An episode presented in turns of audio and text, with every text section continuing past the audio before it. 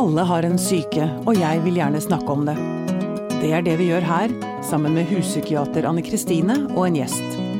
Dette er Pia om syke. Har du opplevd en stor sorg så langt i livet, Anne Kristine? Eh, Ja, det har jeg. Du kom ut på andre siden. Ja, jeg gjorde det. Jeg gjorde det. For det- er jo noe med at eh, dette skjer. Altså, det er noe det ligger til menneskeheten. Vi dør. Det betyr at vi mister. eh, på et eller annet tidspunkt i livet, om det er besteforeldre, foreldre, venner, kjærester, ektefeller. Og så er det sånn at noen dør tidlig. For unge. Og jeg vet ikke om jeg skal si at det er verre. Eh, Jeg ville ikke lyst til å begynne å måle graden av sorg. Men det oppleves vel mer unaturlig når noen bare får leve i 41 år, enn å miste en som har levd dobbelt så lenge, f.eks. I studio i dag så har vi en eh, mann som har vært i, kanskje delvis fortsatt er i, en stor sorg. Jon Andreas Håtun, eller Jono L. Grande. Velkommen hit. Takk skal du ha. Du mistet den du elsket. Hun var 41. Mm. eh, Annbjørg Sætre Håtun. Um, vi har lyst til å bare gå rett inn i det. Kan du beskrive hvordan en så stor sorg arter seg? Ja, det har jeg skrevet en hel bok om. Så det å være pårørende gjør at man eh, går rett inn i en sånn fase hvor man hele tiden er eh, den andre personen i noe. Og det var veldig viktig for oss da å være to om alt hele tiden. Både om sykdomsbearbeidelsen, men også om eh, Og det å Ja, om kjærligheten, da, som holdt oss oppe midt i det. Det var det som gjorde det. Vi fokuserte veldig på det. For nå har du jo truffet kjærligheten igjen, som gjør at du også opplever lykke, men vil du fortsatt si at sorgen er der? For- Ja, det er den jo. Og den er eh, der på hele tiden. Men eh, sorg har mange faser, og det fins det jo mange jeg har lest om som har skrevet eh, på forskjellige psykiatriske holdt på å si nettsider. Mm. Nettsidene er jo ikke psykiatriske. Men, eh, men, eh, men jeg har lest litt så forskjellig at det står som, eh, at sorgen har mange faser. Jeg tenker jeg kjenner meg litt igjen, men det er mye mer innfløkt enn at det er sånn syv stadier av sorg. Først er det det, Ja, så er det det. Men det er feil. Det er for meg det er flettet inn som eh, sånn glidelås eh, i mange forskjellige farger, for å si det sånn. da. Det er veldig hvor hvert eneste, hver eneste lås, holdt jeg på å si, hver eneste lille fase i sorgen eh, er eh, kommer og går rett som det er. Eh, og jeg prøvde hele tiden å forstå eh, hvordan og hvorfor og og, og. Og dette har jeg prøvd å beskrive litt i boka òg. Noe som er veldig vanskelig, siden det å skrive en bok krever litt at det må være kronologisk.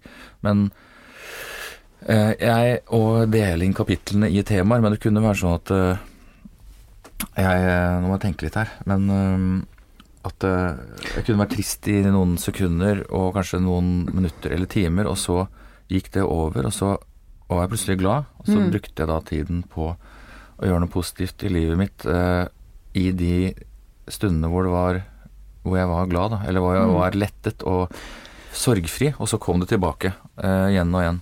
Det er derfor jeg egentlig kalt boka 'Enkemannsstøt' også, fordi sorgen kom i gjentagende støt. Støt, og ofte litt sånn Jeg har ikke opplevd Og det gjør den av og til ennå. Jeg skulle fram til. Ja, nettopp. Ja, ikke sant.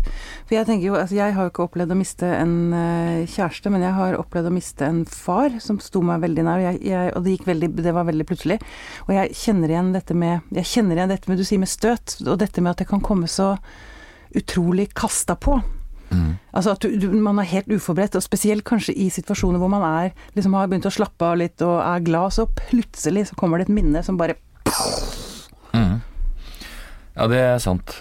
Det er noen øh, Det er veldig mye forskjellig. Jeg kalte det utløsere. Det er jo Det er vel det man Jeg vet ikke hva man snakker om. Klassisk betingning, er ikke det man kaller det på psykiatrien? Mm. At øh, man ser noe, og, eller lukter noe, eller hører noe, og så setter i gang et eh, et eller annet igjen, da.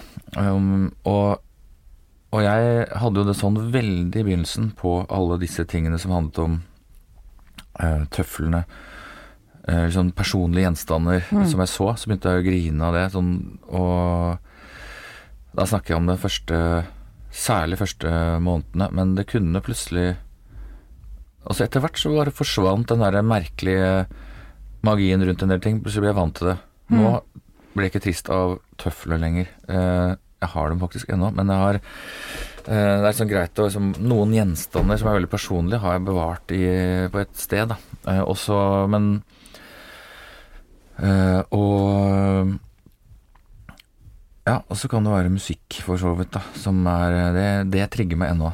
Liksom yndlingsmusikken eh, til kona, det er sånn som også er rørende og ikke det mest dansbare, men eh, liksom Jeg gidder ikke engang å si det, for jeg kjenner at det vil jeg beholde for meg selv, men det er noen sånn film eh, Veldig fine film, historiske film eh, soundtracks da, som virkelig bare setter meg helt ut hvis jeg hører det. Men det er jo, det er jo musikken altså Det er jo musikk i sin altså Det går liksom så rett for, Det går forbi hjernen Mm. og rett inn i hjertet på en eller annen måte. Du, um, vil du si at vi er Dette er kanskje et ledende spørsmål, jeg er kjent for å stille ledende spørsmål, men vil du si at vi er eh, gode nok til å forholde oss til døden? Er vi i Norge, jeg vet ikke, kanskje i Norge kontra andre land eller at- si hvem er vi? hvem, ja, vi Nei, men altså det norske samfunnet, da. For å ta Ja. det som et, som et vi. Så de vi omgås, altså det, det vi leser, har, har vi Jeg tenker at det er behov for å Det er litt av derfor jeg har skrevet denne boka og har lyst til å snakke mer om det. Det er ikke, det, det er ikke sånn at jeg jeg kunne godt tenkt meg å snakke mer om min egen musikk og kunst, faktisk, men det kommer seinere.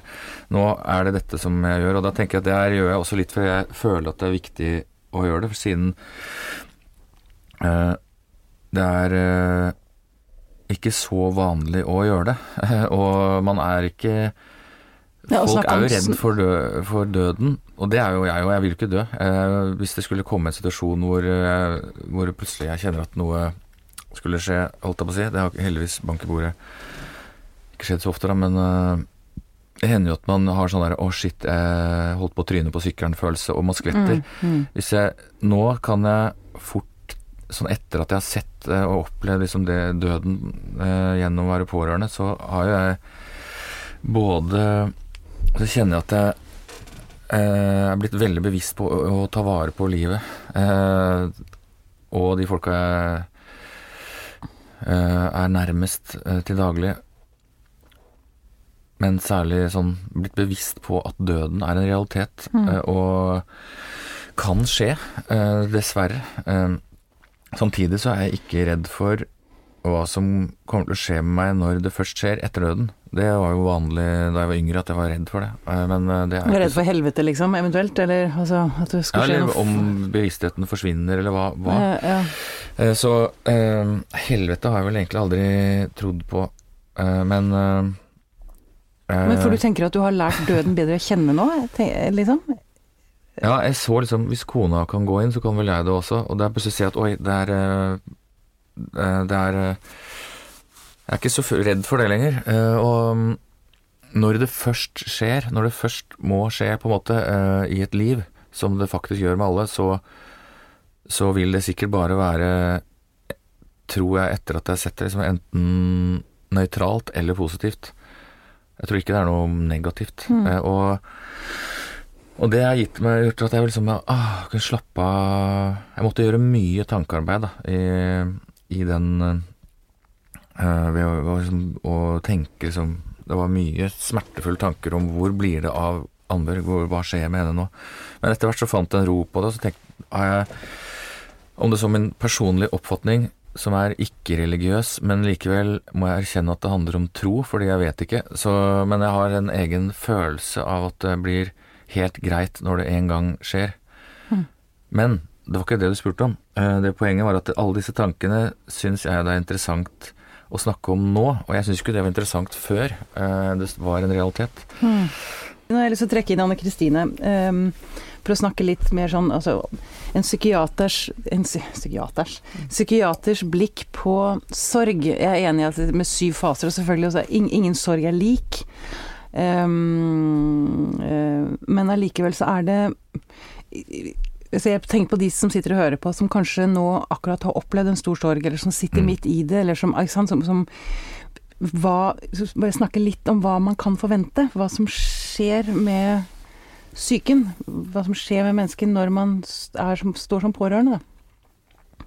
Ja, og det er jo helt riktig det som er sagt nå, at eh, altså, de der fasene, det var en modell som ble utvikla for en del år tilbake. Mm. Og det har man i veldig stor grad gått bort ifra. Mm. For det, er ikke, det er ikke sånn. Det er ikke sånn at først så er man i sjokk, og så er man i sorg, og så er man i nyorientering. Altså, det er ikke sånn. Man går fram og tilbake, inn og ut. Men alle de følelsene, altså den følelsen av å faktisk ikke klare å tro at det er sant, Ja. det er jo en slags, en slags beskyttelse i det. Som mange kan kjenne på til å begynne med, og det er jo kanskje mer vanlig også hvis det skjer veldig brått. At det er sånn 'jeg kan ikke tro at det er sant'. Jeg kjente en versjon av det, Mm. selv om jeg ehm, eh, Selv om jeg eh, skjønte Jeg aksepterte at det skjedde, og det var litt fordi det andre var også litt sånn uttrykt at hun hadde akseptert det. Ikke bare til meg, men hun gjorde det jo også på Instagram, måtte jeg på å si, eh, og i boka si som eh, kom ut etterpå. Sånn Det gjorde det litt lettere å akseptere, men men det var jo ikke noe mindre trist av den grunn. Kanskje vel så mye også. Det var sånn, men, det, men jeg lurte likevel på Jeg klarte ikke å akseptere For meg var det sånn at jeg ikke klarte å akseptere um, å forstå hvor det ble av en person som var så nær, og så plutselig er hun borte. Og så er det en kropp der som ikke er Og så bare, jeg er bare sånn What? Hva er det som skjedde nå? Jeg ble så jeg skjønte jo at hun var død, liksom, og aksepterte det, men jeg klarte ikke helt å akseptere at bevisstheten var borte, og det er kanskje bare en, som sagt, en versjon av det. Da. Så er jo fremdeles kjenner jeg følelser av nærvær, eh, og særlig gjorde jeg det i begynnelsen. Veldig ofte så følte jeg liksom at hun var rundt meg i rommet og sånne ting. Ja, men, det, det- er, ja. men det er jo det at det er jo, det er jo sånn Altså, det er så vondt at det er liksom ufattelig. Mm. Altså, er jeg liker så godt det begrepet. At det er liksom ufattelig eller ufattbart. Mm. Mm. Det, fordi at det handler ikke om å bare forstå med hodet eller sånne kognitive funksjoner, men det blir en sånn blanding av følelser og tanker og opplevelser som blir et sånt sammensurium.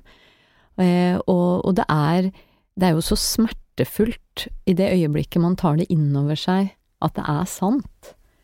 Mm. Så, så noe av det derre sjokk og vantro og det derre kan ikke være sant, er jo altså hvis vi sånn siste forsøk på å beskytte seg fra noe som er aldeles grusomt. Mm. Mm. Men så skjønner man det jo samtidig, sant. Så Ja, men- går ut og inn av det hele tida. Ja, for det er rart, ikke sant. En ting er at du skjønner med hodet at han eller hun er død, Mm. men så er det noe med å forstå det med hele, hele sin egen sjel, liksom. At, som du sier, at at vesenet er borte. Jeg husker jo Det har jeg helt ikke forstått ennå. Nei. Nei, Og det for jeg er, husker det veldig godt. Jeg var, vi var inne sånn i kapellet og så på kroppen til pappa. Jeg var jo ikke der da han døde, for han døde på operasjonsbordet. Men jeg husker jeg så kroppen, og det er akkurat det samme som du sa, at jeg ser kroppen hans er der, men det er jo ikke han. Mm. Han, han var jo ikke der. Altså, det var jo ikke, hadde ikke noe med han å gjøre, selv om jeg kjente igjen trekkene hans, liksom. Men for- for- kan jeg spørre deg, var du der da hun døde? Da var jeg ikke der. Da lå jeg og sov. Jeg hadde vært der hele dagen. Og så var jeg Ja. Uh, sov jeg noen timer, og så ringte Jeg bor rett ved, da. Så uh, fikk en telefon, og så dro jeg dit på morgenen. Sånn på fem om morgenen. Men eh, jeg, det var noen andre der da, fra vi gikk på skift for Mm. familien. Men det var eh, um, Det var jo Ja, den der følelsen av å skulle tenke hva er mennesket? Hva er personen? Det er jo kombinasjonen av veldig mye. Også når det, eh, det er jo både personligheten og, og trekkene, men så er det jo ikke det. Hvis på en måte jeg hadde blitt blind, eh, så ville hun fremdeles vært henne. Og hvis hun hadde Og hun Selv om hun mistet håret ikke sant, og endret på liksom, Fikk endret utseendet lite grann, så er du fremdeles henne. Og den blir jo veldig endret selvfølgelig når personen Når kroppen er død, men det er jo det er, så, det er veldig merkelig sånn Hva er en person, da? Men, mm. Og, og eh, jeg ble sånn Fikk det sånn eksistensielle, absurde Ikke kri... Jo, det var jo en krise, men det var eh, Jeg følte at jeg klarte å orientere meg i det ganske bra, men det var veldig Det var sånn merkelig Følelsen av at noe var merkelig på overdose steroider, holdt jeg på å si. Det var sånn ekstremt merkelig. Og jeg skjønner, det er en ufattelighet, som du sier. Jeg, det er bare Hva fader er det her? Og det har jeg vent meg til, men eh, jeg kjenner at jeg fremdeles av og til tenker på det, tenker bare shit. Hvor ble det av henne? Altså? Men, Og jeg er bare trist bare jeg sier det. Det er veldig merkelig. Ah, der har du et trigger. Oh. Ja. Eh, har en kaffe til. Men, men det som, eh, som er kompliserende, er at man kan forstå med hodet at noen er død, men samtidig så kan man ikke fatte at de ikke er der når du kommer hjem. Mm. Altså den der blandinga mellom at det, det er jo ikke noe i veien med hodet og tankene. Altså man Mm. forstår jo det. At ja, hun er død, men samtidig når du åpner døra når du kommer hjem, så er det helt sånn umulig allikevel å forstå at hun ikke er der. Ja.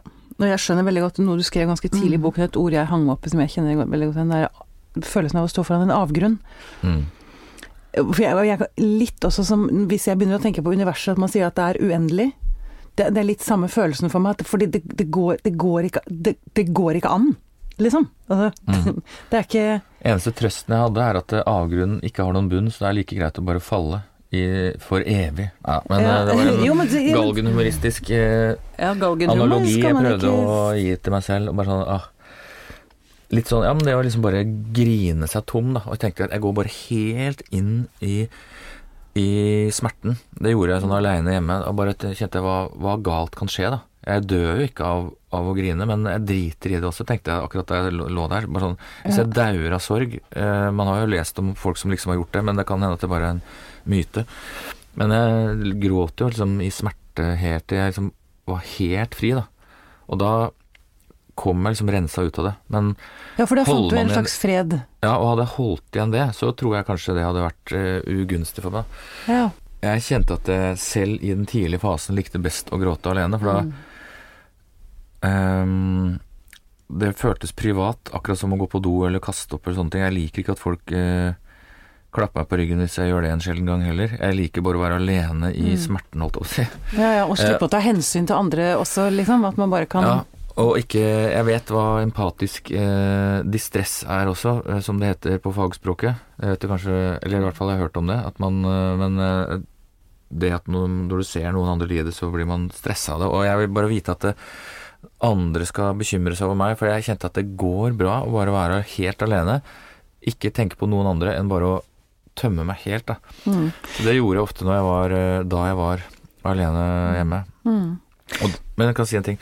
Ja. For du sa at eh, Og det føler jeg ikke skjer så ofte lenger, da, for min del. Og eh, det kan, sånn som nå snakker her nå, kjenne at oi, da trigges det eh, sorgfølelser, men jeg blir ikke, det kommer ikke helt ut, da. Det går bra, liksom. Men det er ikke sånn at jeg begynner å hylgrine her. Eh, det skjer ikke lenger. I hvert fall har det ikke gjort det på en stund, og hvis det skulle skje, er det ikke så farlig. Men jeg har ikke opplevd det på et år eller to. Men, eh, men eh, kanskje det er fordi jeg bare har vent meg til å gjøre det helt alene. Jeg vet ikke. Nei. Men du, du ble Det var- også utagerende. Altså, du fikk eh, diagnosen situasjonsbetinget psykisk ustabil. Ja. Um, var det også Det er også en re... Nå himla du med Jeg har aldri hørt det begrepet. Nei, Nei. det, var, det er det jeg har lest. Ja, men det er sant. Men, det er, men jeg har hørt noen andre Jeg snakket med en enke som sa Så snakket vi sammen på fest og, og sa bare at ja, jeg husker at jeg fikk den diagnosen situasjonsbetinget eh, psykisk ustabil. Eller kanskje det sto psykisk ustabil, komma situasjonsbetinget. Og, og hun likte da, Jeg vet ikke om det gjelder alle. Kanskje noen får utmattelses... eh, Eller, eller I hvert fall sorg var ikke en diagnose. Det er som Nei, det har de snakker de om å putte inn nå, ikke sant? Er det blitt en diagnose? Nei, det er ikke en diagnose. Det er, de snakker om det. Nei, så hva er det man Nei. Selvfølgelig, jeg kan jo kanskje si at det var situasjonsbetinget psykisk ustabil. Det ville vært rart hvis man ikke var det. Jeg var helt ved sine fulle fem etter at du mister liksom livsledsageren din som du drømmer om å bli eh, gammel med. Mm. eh, så det sa jo legen også, at eh, da jeg fortalte liksom hvordan ting var, så sa han jo det at eh, hvis du ikke Jeg ville jo egentlig ikke ha den diagnosen. Jeg synes det var Jeg er ikke vant til å være sykemeldt, så jeg kjente bare Hvorfor skal jeg Hvor skal jeg ha en, få en sånn diagnose? Jeg, jeg følte det litt stemplende. Jeg ville ha sykemelding, og jeg vil gjerne ha en diagnose som tar meg på alvor. Jeg vil ha sorgdiagnose. Det er det jeg føler. Eh, og det jeg identifiserer meg med. Men nei, det var bare det. Og det var litt irriterende. Men så tenkte jeg ok, jeg svelga en kamel her. Uh, Men, men da, da skjønner jeg hva du mener, for da er dette en diagnose som blir stilt av din fastlege fordi at noe må skrives på sykemeldingsskjema, fordi at eh, den sorgen du er i, går utover evnen til, til å fungere på jobb, eller hva det skulle være. evner. Ikke kognitiv, men eh, tenker at man kaller det for sykdom når det går utover evnen til å fungere i jobb og hverdag. Ja. Eh, men jeg er helt enig i at det der er ikke en, en tilstand som sånn sett krever noen diagnose.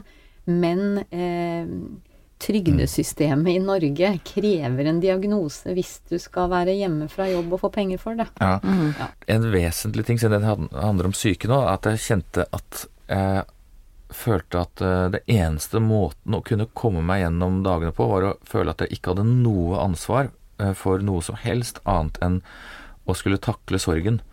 Og da kunne jeg fungere ganske greit. Hadde jeg hatt en jobb som, jeg måtte, som krevde at jeg skulle liksom være på jobb klokka ni, eller krevde at jeg skulle være Måtte levere noe som helst. Jeg kjente at det, det ble veldig viktig bare sånn vite at nei, nå kan jeg ikke ha Nå må jeg ha bare fri for å kunne ha fulltidsarbeid på bare å komme meg gjennom hver dag. Eh, liksom, hvordan skal jeg klare å lage mat aleine i huset? Liksom var det tingene jeg grudde meg til. Da. Så jeg bodde hos eh, andre i begynnelsen noen dager og sånn. Eh, hvis jeg gikk eh, Hvis jeg gjorde noe en dag som var ehm, Som føltes litt feil, så tenkte jeg jeg må bare slutte med det. Hvis jeg for eksempel hvis jeg, ble, jeg tenkte hvis jeg får angst for å bo hjemme alene etter hvert, så Første gang jeg gjorde det, da, så måtte jeg bare tenke at hvis det her ville være for trist og kanskje ga meg angst, jeg vet ikke, men det gjorde det ikke. Jeg ble litt trist, men det gikk bra. Jeg kjente meg trygg ved å være hjemme alene. Ok, da sov jeg neste natt hjemme alene også. Ja, ikke Hvis ikke så hadde jeg mulighet til å dra til noen andre. Ja. ja. Du, jeg må bare Nå skal jeg ha lyst til å vri litt grann. Olav, kan vi ta, kan ta en kaffe til? Vi kan ta Ok, vi setter på pause. Nei, selv om jeg babler i vei, så kjenner jeg at, jeg, at det er heftig å snakke om det. Så jeg bare, bare jeg, vann jeg føler meg som uh, spesiell igjen.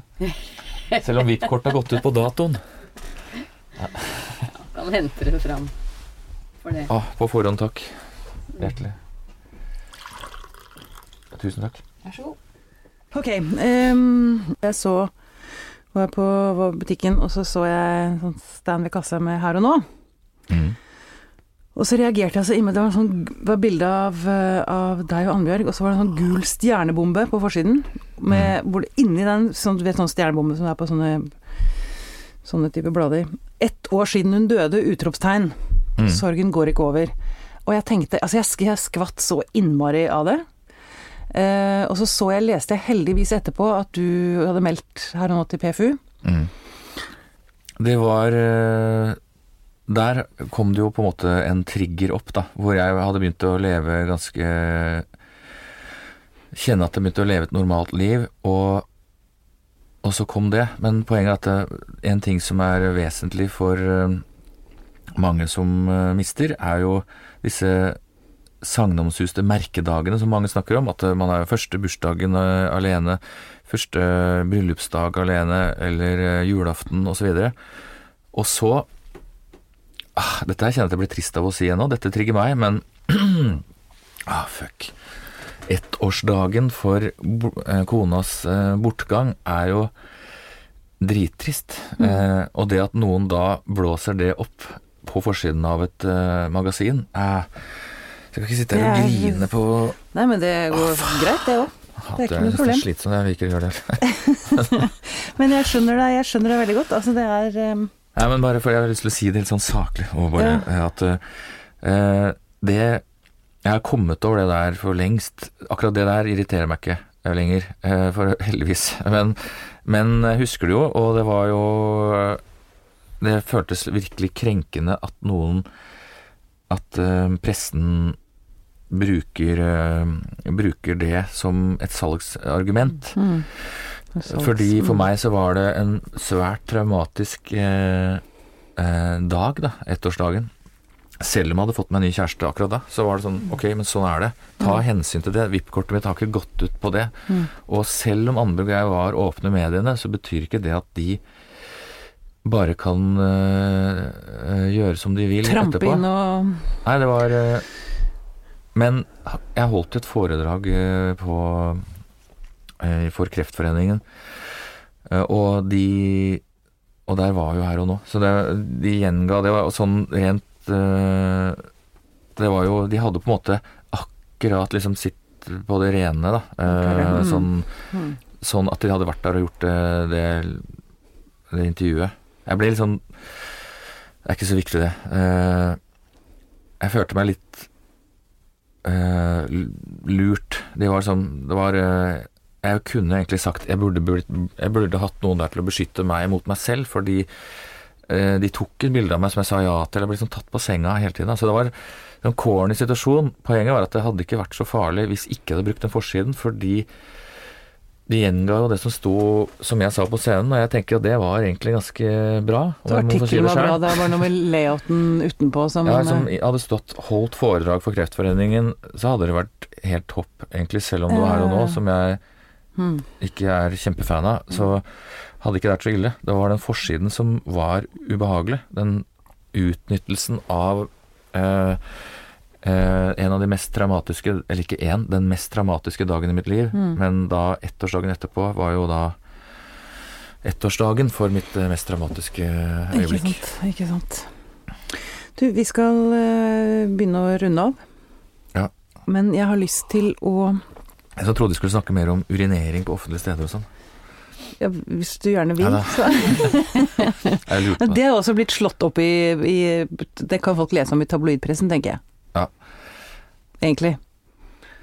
Men det som var interessant der, fordi jeg har tenkt litt på det, det å Det Jeg kjente at det At det, dette var litt med dette med VIP-kort, da. Og, og at det kunne bli eh, At jeg tillot meg selv å være Å rykke litt sånn tilbake til sånn derre ungdomsfandnivoldsk eh, barnslighet. Eh, Du får litt sånn carte blanche, tenker du, fordi du var Ja. så sterk sorg, liksom? Men også litt sånn Ok, det er ikke hvem som helst som kanskje gjort det, men det der var alt det tullballet som jeg kunne finne på da jeg var 13-14 år, det, det kom litt opp igjen i sorgfasen. Den, da mener jeg den første fasen, sånn første månedene. Uh, og da var det mye drikking eh, og, og herjing. Eh, holdt jeg på å si, litt sånn på fest uh, Ikke herjing, hva betyr det? Eh, utagerende festing. Mm. Uh, Men det var det jeg har beskrevet, jeg har beskrevet i boka. Og, men det lå liksom hele tiden en sånn sorg, sånn tragisk sorg. Og hvis man ikke kan gjøre noe, og når du ikke kan bringe noen tilbake, så var det ikke som bare sånn å å liksom ta igjen på en restaurant som ga meg dårlig service, eller å tegne, tagge. Eh, bare gjøre masse sånne dustete små Selvfølgelig, selvfølgelig barnslige ting. Men det, det eh, Hva gjør man liksom når man, er, eh, når man ikke kan fremkalle tilbake den du har mista? Liksom, det, det er ikke helt det var unormalt det, er ikke- det er ikke unormalt det med sånne irrasjonelle Altså at, at man mister sånn grep om grensene. Eh, Jeg tenker når man er i sorg, så er det ikke noe som er unormalt. Man gjør det man må for å overleve. mm. Og så blir man jo verken klokere, smartere, roligere eller snillere av å være i sorg. Man er jo i krise, så man gjør det man må. Mm. Og det er jo ikke den perioden man er kanskje mest reflektert og tenker nøye på alt. Nei, det er noe med det går Det er kort fra sterk følelse til handling. Ja, og så har man Mm. kanskje litt lite bufferkapasitet. Ja, ikke sant. Ja, så blande det med, med litt eh, noen flasker vin også, eh, så var jo det Da var jo en, veien enda kortere, på en måte. Mm. og jeg gjorde jo egentlig ikke noe som var ulovlig eller virkelig eh, uetisk eller- heller. nei. Ja, det var ikke noe krise. Men uh, jeg kunne ha slått noen her og der hvis jeg ble forbanna. Det, det skjedde jo ting i den fasen hvor uh, jeg kunne tatt igjen, men hvis noen gikk imot meg. Men jeg er såpass sindig at der kom fornuften inn Mm. alltid. Mm.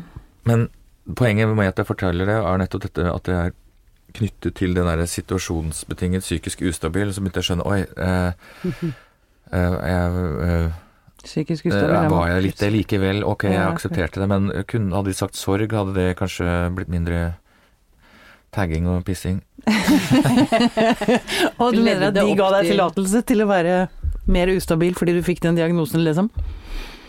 Ja, men det, bare for å beskrive en ting, da. Det er, jeg syns det er eh, Jeg ble litt irritert over at Dagbladet, siden jeg var inne på dette med Dagbladet gjenga det på den måten de gjorde, fordi da skjønner Hvis noen ikke Hvis noen syns det var teit, da, eller, eh, eller hva, så skjønner ikke hvordan det er å være liksom, inne i hodet når man f.eks. er på et hotell og venter på at eh, eh, og, og vet at kona egentlig skulle vært med her, i den situasjonen vi var på, så vært på en kunstutstilling. Så drar jeg hjem alene til det hotellrommet, prøvde liksom å leve livet litt tilbake, og, og alene i vei på heisen opp, og så kjente jeg bare Å, fuck, hva skal jeg gjøre nå? Nei, jeg bare var jeg god i brisen. Og det er jo selvfølgelig Jeg kan ikke si jeg er stolt av det, men det er mer um, Det var ikke en rasjonell handling som jeg ville gjort uh, uansett hva brisen hadde vært i dag. Uh, men det er liksom kjenner at nå bare pisser jeg i heisen, for jeg, ingenting betyr noe mer. Hvis noen ser meg nå, så driter jeg i det. Hvis jeg hadde men da kunne jeg også dødd, da, i de øyeblikkene der. Det var sånn følelse at det kom inn i en sånn fase hvor, jeg, hvor alt ikke betyr noe lenger. Så jeg pissa heis, heisen og liksom bortover hotellkorridoren og liksom grein på hotellrommet. Det var et sånn tragisk øyeblikk som eh, kom nå og da. Eh, noen visse sånne øyeblikk som også var i en del av den første sjokkartede sorgfasen. Og det eh, syns jeg var interessant å si. Syns det var interessant å si Jeg må fortelle om det, fordi noen har sikkert helt andre varianter, da. Eh, men det derre at eh, at hemningene går ned, hinnen går ned, mm. blir tynnere, og, og man gjør ting man ellers aldri ville gjort. Selv om det hadde vært uh, i beruset tilstand, så ville du ikke gjort det. Det er ikke Nei, sånn, det er et eller annet som sorgen gjør, som frigjør noen hemninger, som gjør at man blir irrasjonell. Og faktisk så skjønte jeg at jeg ble jo litt psykisk uh, situasjonsbetinga ustabil. Jeg fant på rare ting. Og, og det var nettopp for å liksom føle lite grann at jeg holdt meg på rett kjøl. At jeg kom litt tilbake. Jeg tok igjen på samfunnet lite grann. Hvor skal jeg ta igjen, da? Hva skal jeg gjøre? Jeg, jeg kan ikke gjøre noe. Jeg bare hva, hva nå, liksom? Og da var det sånn eh, infantil eh, stråle eh, kunne gjøre underverker. Har du noen kommentar? Fagperson? kommentar til, til Mm. det du fortalte nå. Altså, jeg synes jo du beskriver det. Altså, I de øyeblikkene så var det ingenting som betydde noe. Altså, du sa at du, du kunne ha dødd i de øyeblikkene, og det er klart, når ingenting betyr noe, så kan jo en sånn handling være hva skal vi si, en sånn foraktfull handling. Altså ingenting betyr noe. Du kan bare pisse på hele verden, bokstavelig talt. Det interessante var at jeg ofte begynte å le etter sånne hendelser. Da. Ja. Og tagga på innsiden av legekontoret. Det er vel hysteri. Hadde du vært kvinne, så hadde du fått diagnosen hysteri. Vil du vil du ikke, det? Ja, jeg var jo ikke akkurat så hysterisk, men, men, jeg, men det, Latter, sånne ting hysterisk. resulterte ofte i latter. Så, mm. Og jeg tok til og med og filmet noen seanser og sånn, og, og, og sett på det etterpå og tenkte bare fy fader, gjorde jeg virkelig det her? Det er sånn, det er så usedvanlig ute, eh, men eh, Men det er eh, eh, Men det brakte meg videre, da. Så, så her sitter jeg. Ja, men, og du, som sagt, igjen prøver jeg igjen, avslutningsvis, skal vi begynne å runde av. Fordi du har Ja. gått videre, og du har funnet kjærligheten igjen. Men jeg har bare lyst til å snakke litt kort om at det er ikke bare enkelt, det heller. Sånn jeg tenker på i forhold til hvordan du, reaksjonen du har fått fra omverdenen. Altså, du var veldig redd for, så jeg både i boken og i artikler jeg har lest. Det handler litt om eh, den følsomheten, fordi de fleste var veldig på min side hele tiden, og jeg har vært veldig åpen i alle relasjoner og fortalt liksom at nå er det jeg møtte en, og følelsene er øh, går begge veier, og Så alle nære relasjoner har følt egentlig har gått øh, veldig bra, så bra som det kan gå. det er jo sorg hos andre også, så vi må ja, Alle har jo tatt hensyn til hverandre her.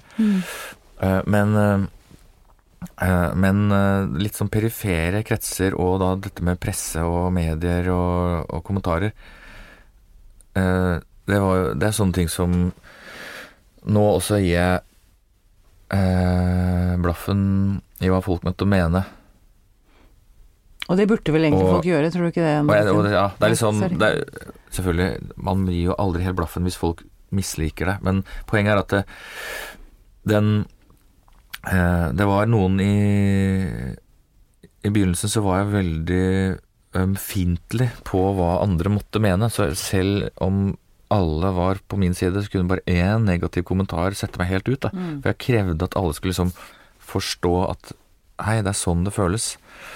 Uh, uh, og da tenker jeg at det å skulle føle håp om å få seg et nytt liv, som i min verden Eller om å liksom ha et normalt liv, som i min verden da eh, handler om, om å ha en eh, kjæreste også, eh, hvis mulig, så, så er jo det på en måte Å ha det håpet i en fase som enkemann eller enke, det er jo også knyttet til sorgen. For du vil jo ikke gå rundt og håpe om et nytt liv hvis du er lykkelig forelska med den første personen. Det er først når den personen dør at det kommer, og, og det kommer parallelt med sor- savnet. Eh, og det er det jeg også har lyst til å beskrive i boka. Fordi ikke nødvendigvis aksjonen å bli sammen med noen, men følelsen av å ville det, den var veldig sterk. Og det er kanskje den følelsen jeg prøver å beskrive mest skam rundt som ikke det ble snakket om. For du forventer bare at det skal være trist, men så er det, er det også helt tidlig fase. da, at liksom bare eh, Men hva med meg nå, da? Hva gjør jeg nå?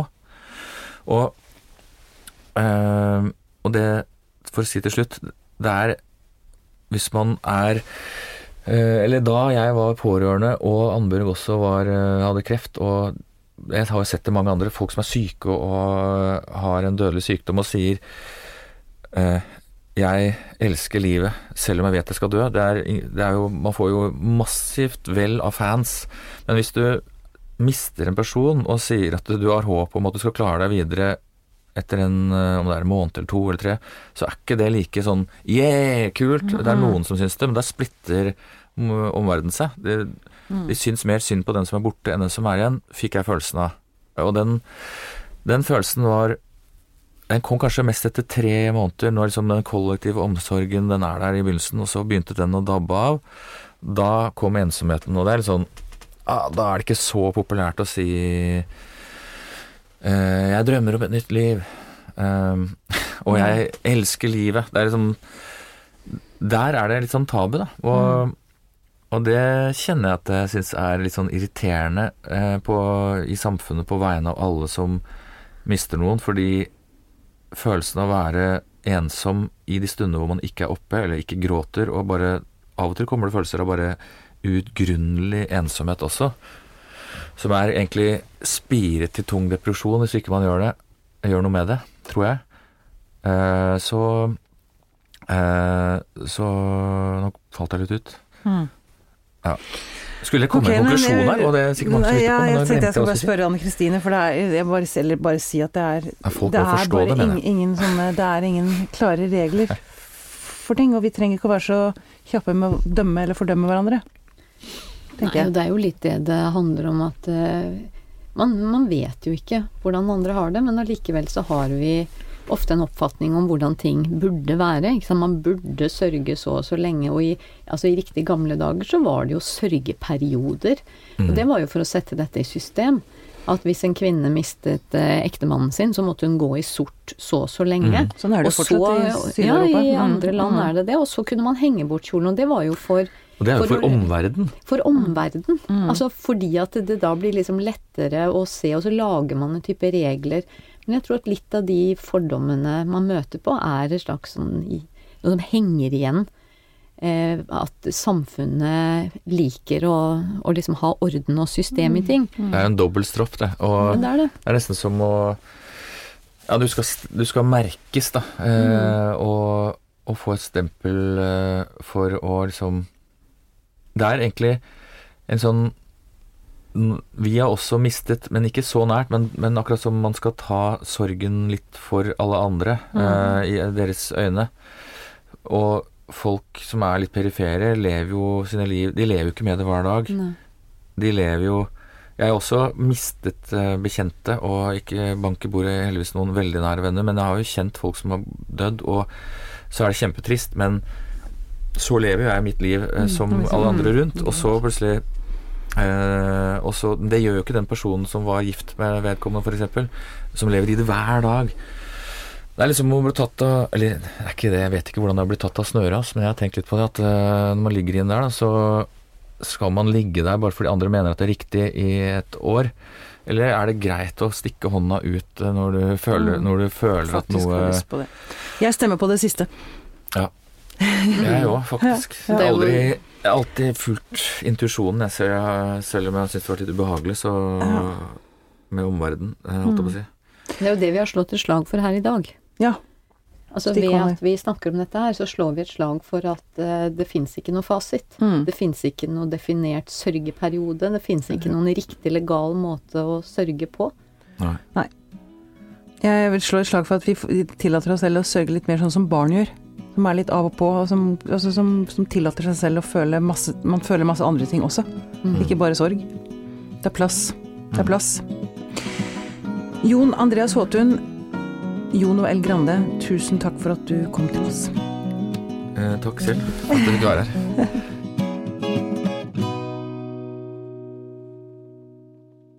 Vi tror at det er lurt å bable i vei om psyken. Og for at vi skal kunne fortsette å produsere, så trenger vi penger. Har du lyst til å hjelpe oss? Vips litt penger, eller mye, til nummer 28583. Eller så kan du bare søke på Pia og psyken inne på Vips. Tusen takk! Denne Podkasten er produsert av Tid og Lyst.